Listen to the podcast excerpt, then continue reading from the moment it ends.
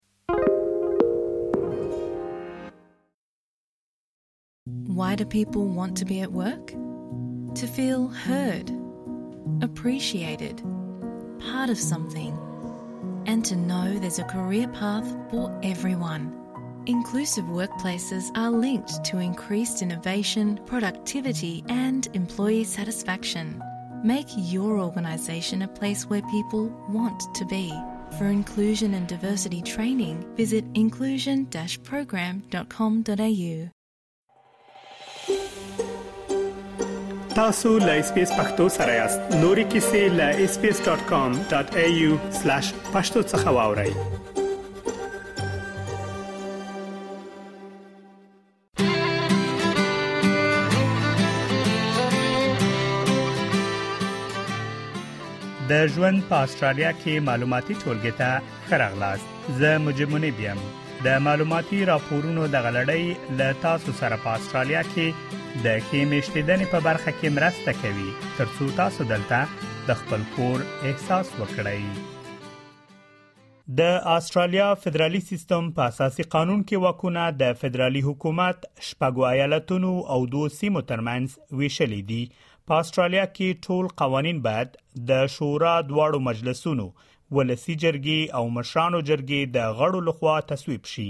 او تر هغه وروسته د استرالیا گورنر جنرال لخوا لاسلیک شي د حقوقي چارو کارپو او مدافع وکیل ډاکټر نذیر داور وایي چې د استرالیا سیاسي نظام یو پارلماني دیموکراتیک نظام دی چې د ویسټمنسټر په نوم یادېږي د استرالیا سیاسي نظام یو پارلماني دیموکراتیک نظام ده چې هغه ته د ویست منسټر سیستم وایي چې دا د انګلستان نه ریښه اخلي په استرالیا کې هم سته او په کاناډا کې هم سته په نیوزیلند کې هم سته وخت چې موږ وایو ویست منسټر سیستم دغه څه شی ده دا هغه سیستم د دولتی ده چی دموکراتیک ده په هغه کی احزاب کاندیدیږی او په دی احزابو کی هر څوک څی اکثریت د هغه چوکو یی چی په پارلمان کی دی ځان ته وګټی او هغه کابینه جوړوی حکومت جوړوی د هغه اکثریت په راس کی څوک چی قرار نیسی هغه ته صدراعظم وایی او دا هغه سیستم ده چی دی ته ریپریزنټیټیو دیموکراسي هم وایي هغه ریپرزنټیټیو پارلمان حکومت ده دا په استرالیا کې دولت درې قواوې لري مقننه اجرایه او قضایه قوه مقننه قوه چې په افغانستان کې ورته ملي شورا او استرالیا کې پارلمان وایي د دولت یو عالی ارګان دی چې د قانون جوړونې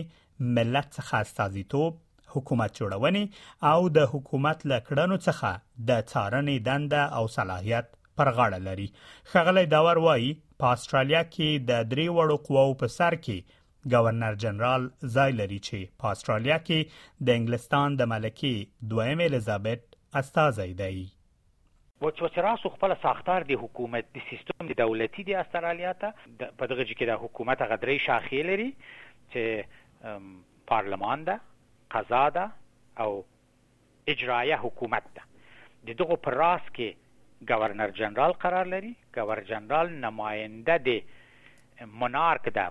نماینده د ملکې ده چي د موږ راس د حکومت کي ملکه الیزابت قرار لري. د استرالیا پارلمان دوه جرګې لري چې یوې ته د استازو جرګه او بلې ته د مشرانو جرګه یا سنا وایي د استازو جرګې ته په افغانستان کې ولسی جرګه وایي د استرالیا د استازو جرګه اوس مهال یو سل یو پنځوس غړي لري او هر غړي د یوې انتخاباتي حوزې په استازیتوب جرګې ته لار پیدا کړې ده ښاغلی داور وایي هر هغه ګوند یا ډله چې د استرالیا په پارلمان کې ډیری رائے ولري کولای شي خپل حکومت جوړ کړي او هر هغه ګوند چې له اکثریت وروسته په پارلمان کې ډیر غړي لري هغه د حکومت اپوزیسیون جوړوي چوکو کې څوک چې اکثریت د دې وګټي هغه حکومت جوړوي چې اوس په اصطلاح ائتلاف د حزب د نېشنل او د لېبرال ده. په دغه اکثریت کې کوی شي احزاب، ګروپونه، انفرادي اشخاص چې پارلمان ته کاندید شوي دي، د دې ګروپو سره یو جې شي او یو اکثریت منځ ته راوړي. نو دا ضرور نه ده چې یو حزب اکثریت وګټي.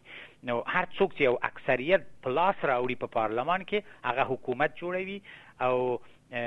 هغه کسان چې بیا هغه لوی ګروپ چې با د دغه اکثریت نه په پارلمان کې موجود یی یغه ته په دغه سیستم کې اپوزیسیون د حکومت وایی.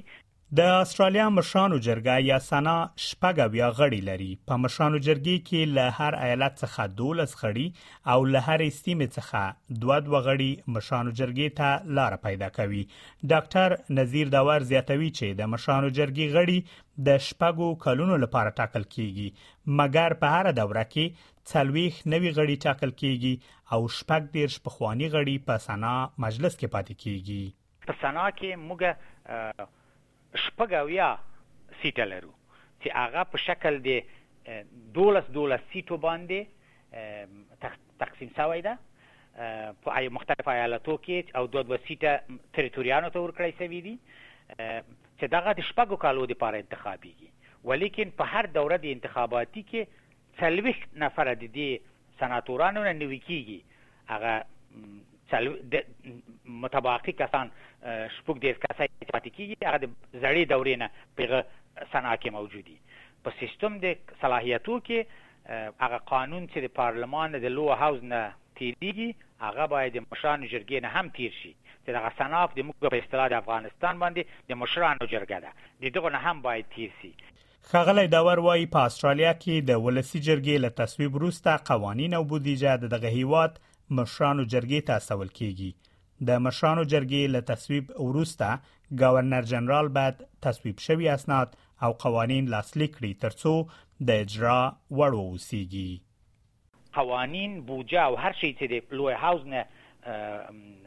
تیریږي دلته پاس کیږي هغه سنا ته ځي او د سنا تر رقم باید پاس شي باید هغه نه چې پاس شو هغه بیا ځي په اصطلاح د رویل اسنت لا د توشیح لپاره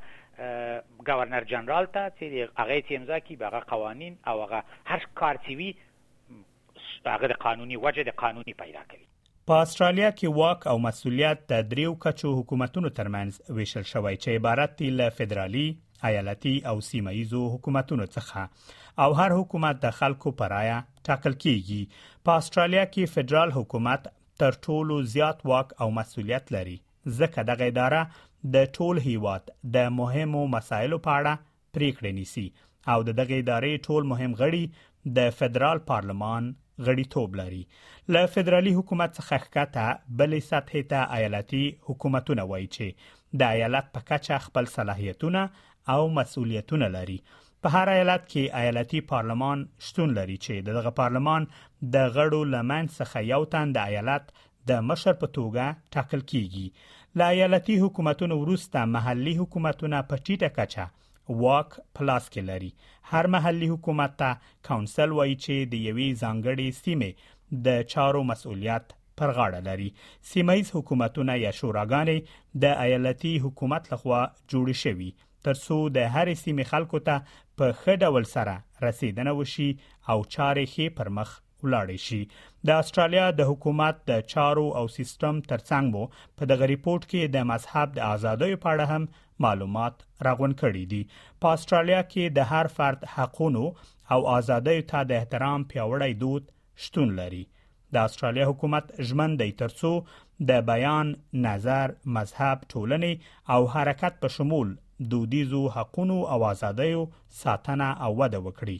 په سیدني ښار کې میشت افغان وکیل سیار دهسبزي وایي چې په استرالیا کې خلک بیلابیلې ازادۍ لري لکه د مذهب، بیان او انتخاب ازادي. ښاغلی دهسبزي وایي چې د مذهب ازادي په استرالیا کې په دې معنی ده چې هر فرد حق لري ترڅو د خپل خوښې مذهب ولري همداراز حق لري ترڅو هیڅ دین تعقیب نکړي.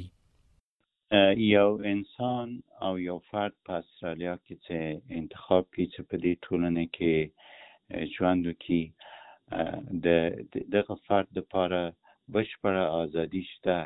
چې دوی د یو خاص مذهب تعقیب کی او هیڅ مذهب تعقیب کی په دې مفهوم چې اصلا د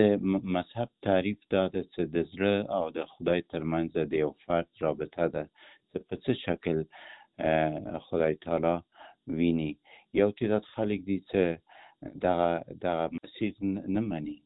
او دوی دوی وایي چې دوی ایتیست دي په حال هر مذهبي کړه وړه او فعالیت په دې ځای کې ورباندې قطعا نشته په استرالیا کې مګر دا چې د نورو په چارو کې چې انټرفیرنس یا دخالت او یا بل څوک ورباندې متضرر سي ښغلی دی سبزی وایي نه یوازې دا چې په استرالیا کې د مذهب او عنعناتو د پالنې ازادي شته بلکې د دې هڅونه هم کیږي ترڅو خپل کلتوري او مذهبي مراسم ولمانځي د مذهب د کلتور د کړه وړه او د نورو عنعناتو د دوام لپاره ازادي شته بلکې د دې لپاره ډېر تاکید کیږي چې خلک په خپل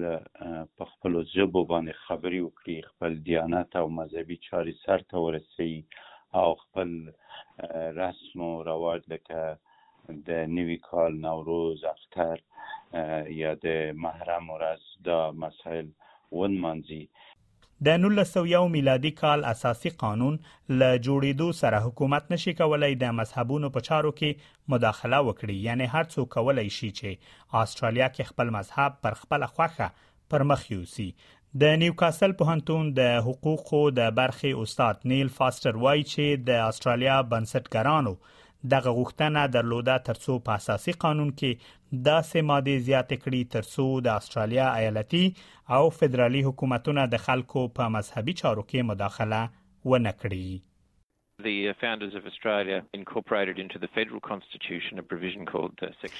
د اصلي هیواد بنسټګرانو له فدرالي قانون سره یو ځای شول تر څو قانون کې دا ماده ورزیاته کړي چې اصلي کې هیڅ ایالت او هم فدرالي حکومت د دې حق نه لري چې د خلکو مذهبي مسایلو کې لاس وهنه وکړي ډیرو کلونو راهیسې دوه فدرالي او هم ایالتي حکومتونه دا ومنله چې اصلي کې وی سالمه ټولنه رامنځته کولو لپاره د مذاهب ازادي ضروري ده په استرالیا کې د مذهب د ازادۍ ترڅنګ خلک د بیان ازادي هم لري خغلی سیار د صدری وایي چې هر هغه بیان چې نور زیانمنوي او د نورو پر احساساتو ناوړه اغیزه کوي د هغه اجازه نشته هر هغه بیان که نور افراد متضرر کوي د نورو په احساساتو باندې منفي اغیزه اچوي د هغو دپاره قدغن ده یعنې حدود ده نسي کولی چې یو څوک یو چاته کنځلې وکړي او وایي دلته چون ازادي ده زه کولی شم چې ورانې خبرې وکوم یا پریوتې اصطلاح او پکار ویسمه. په اسټرالیا کې د فکر، عقیدې او نورو مذهبي آزادیو په اړه لا ډېر معلومات کولای شئ د دغه هېواد د لوی څارنوالۍ له وېبپاڼې څخه ترلاسه کړئ. ډېره زیاته مننه چې تاسو دغه رپورټ ته غوږ وئ.